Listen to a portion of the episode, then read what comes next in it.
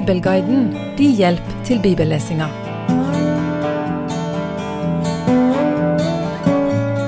Den eh, langvarige kampen mellom David og Saul har på en måte blitt avslutta ved at David ga opp og flytta til kongen i Gat. Saul slutter å forfølge David da, men Saul sine problemer de er ikke over. Saul hadde ikke bare indre utfordringer som konge, annet med David, men han hadde òg ytre fiender, der filistene nok var de som lagde mest problemer. Saul var forkasta av Gud, og dette gjorde at han ikke lenger fikk den hjelpa han hadde fått tidligere. Profeten Samuel var òg død, og som vi skal lese i dag, så blir Saul så desperate at han forsøker å få kontakt igjen med avdøde Samuel for å spørre han til råds i møte med filisternes hær. En desperat manns handlinger, kan en vel si. Vi leser fra første Samuels bok, kapittel 28, og leser om igjen et par av versene vi leste sist gang, og starter derfor på vers 3. Samuel var den gang død, og hele Israel hadde sørget over ham og gravlagt ham i Rama, hans egen by. Saul hadde drevet dødningemanerne og spåmennene ut av landet. Da nå filisterne hadde samlet seg, trengte de fram til Sjunem og slo leir der. Da samlet Saul hele Israel, og de slo leir på Gilboa. Men da Saul så filisternes leir, ble han så redd at hjertet skalv i ham. Og Saul ropte på Herren. Men Herren svarte ham ikke, verken ved drømmer eller ved Urim eller ved profeter. Da sa Saul til tjenerne sine, Finn meg en kvinne som kan mane fram de døde så vil jeg gå til henne og spørre henne. Tjenerne svarte, I Endor er det en kvinne som kan mane. Det står at Saul hadde drevet ut dødningemanerne. Men det kan vel kanskje tenkes at det, eh, om det var Saul som hadde gjort det, så kom kanskje ideen ifra Samuel. Samuel nevnes rett før, og i de versene vi leste, og han var som kjent øverste prest, og han kjente skriftene, og han kjente Guds forbud mot å forsøke å kontakte de døde. Kanskje har Samuel minnet Saul om dette, og Saul setter det hele ut i livet. Uansett, Saul er her desperat, men han begynner faktisk med å spørre Gud. Han spør gjennom drømmer, spør gjennom Urim, han spør gjennom profeter tre kanaler om en vil. Gud svarer ikke Saul. Og redd som Saul er, så går han til det desperate skritt og går klart imot Guds bud, og klart imot det han tidligere har meint når han kasta ut spåmenn og spåkvinner. Tjenerne hans kjente til tross for at bruk av sånne medier var forbudt, til ei kvinne i Endor som dreiv med sånt. Det er jo interessant at når nå Saul på en måte bestemmer seg for å bryte Guds bud, så ser det ikke ut til å være vanskelig til å få innspill ifra sine undersåtter. Selvfølgelig er Saul ansvarlig, og han befaler sine undersåtter til å svare, antar jeg, men dersom de ikke hadde visst om noen, så hadde det iallfall tatt lengre tid før han fant kvinnen i Endor. Men nå har Saul en plan, og han går i gang. Han går i gang faktisk mot bedre viten, fordi han allerede er forkasta av Gud, og Gud derfor ikke svarer han. Vi leser videre fra vers åtte. Så gjorde Saul seg ugjenkjennelig og tok andre klær på, og gikk så av sted i følge med to menn. De kom til kvinnen om natten, og Saul sa, Spå meg ved å mane fram en død, hent opp til meg den jeg nevner for deg. Kvinnen svarte ham, Du vet jo selv hva Saul har gjort, hvordan han har utryddet dødningemanerne og spåmennene av landet. Hvorfor setter du da en snare for livet mitt og fører død over meg? Da sverget Saul henne en ed ved Herren og sa, Så sant Herren lever, skal ingen skyld komme på deg i denne sak. Da sa kvinnen, Hvem skal jeg hente opp til deg? Han svarte, Hent Samuel opp til meg. Men da kvinnen så Samuel, skrek hun høyt, og hun sa til Saul, Hvorfor har du narret meg, du er jo Saul? Da sa kongen til henne, Vær ikke redd, men hva så du? Og kvinnen sa til Saul, Jeg så en gud stige opp av jorden. Han spurte henne, Hvordan ser han ut? Hun svarte, En gammel mann stiger opp, han er svøpt i en ytterkappe. Da forsto Saul at det var Samuel, og han kastet seg ned med ansiktet mot jorden. Her må vi ta en litt lengre pause, for dette er interessant. Hva er det som egentlig skjer her? Her har det opp gjennom tidene vært mange forklaringer. Den kanskje enkleste er jo hvis en benekter eksistensen av både Gud og andre åndskrefter. Da er konklusjonen lett. Kvinnen lurte Saul, hele greia er bare tull. Hun kan vel ha vært en buktaler, eller hun kan ha gjengitt sjøl hva Samuel skal ha sagt. Og det er vel egentlig den enkleste løsningen.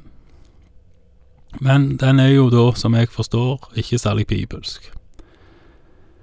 Og en kan huske på at i forbindelse med dåpen er det i mange menigheter vanlig å både bekjenne hvem en tror på, gjerne med trosbekjennelsen, men òg bekjenne hvem en velger vekk, hvem en forsaker, hvem en tror eksisterer, men velger ikke å følge.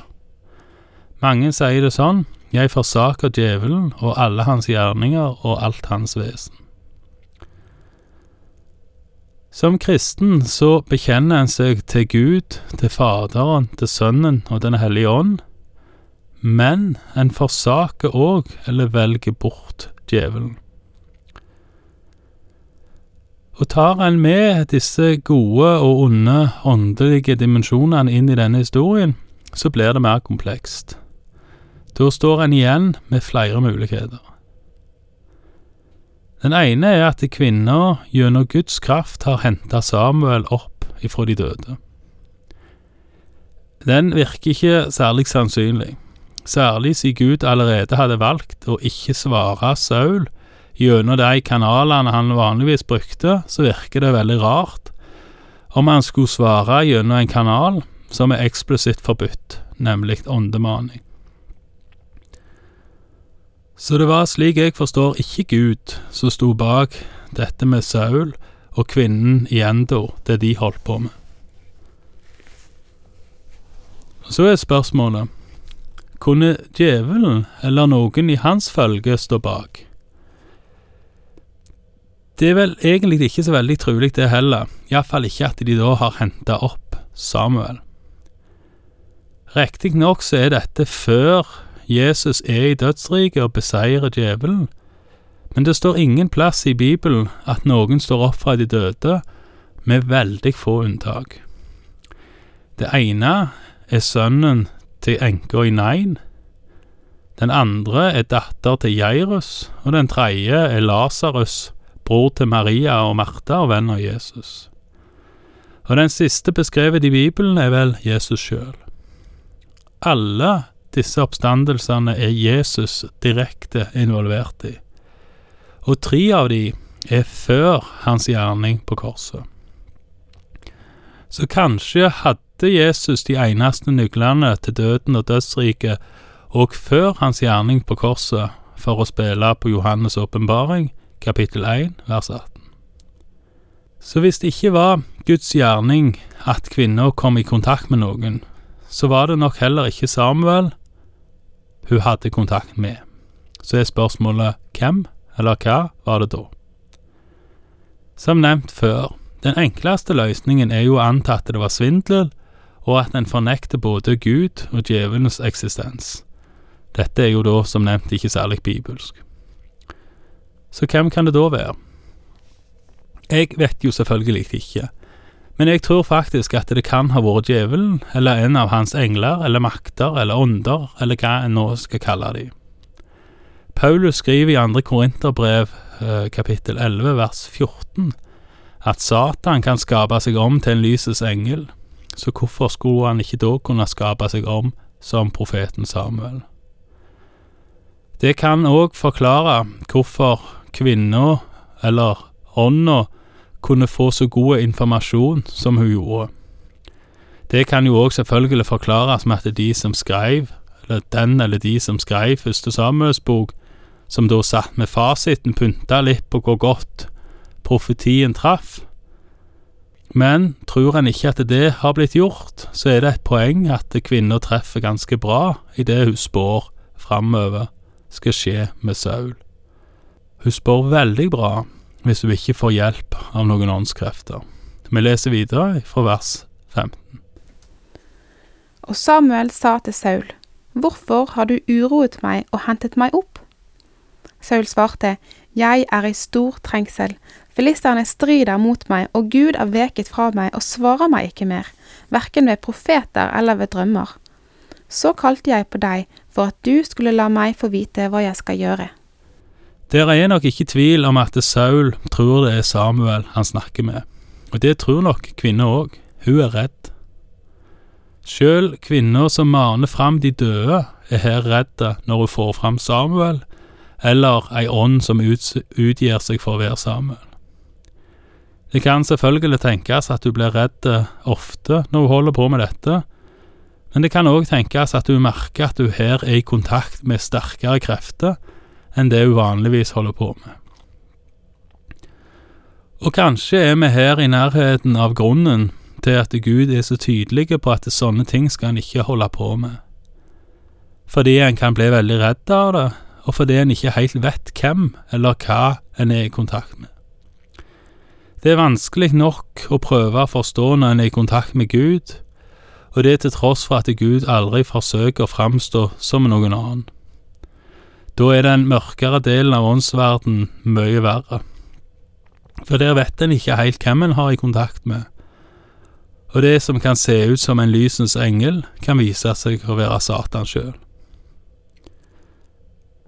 Men det er òg viktig å huske på at Gud har skapt de menneskene som holder på med sånne ting, og at selv sjøl om vi som kristne ikke skal drive med sånne ting, så skal vi på alle mulige måter forsøke å forkynne for de som gjør det, for å vise dem at vi tror på en Gud som er sterkere enn dette.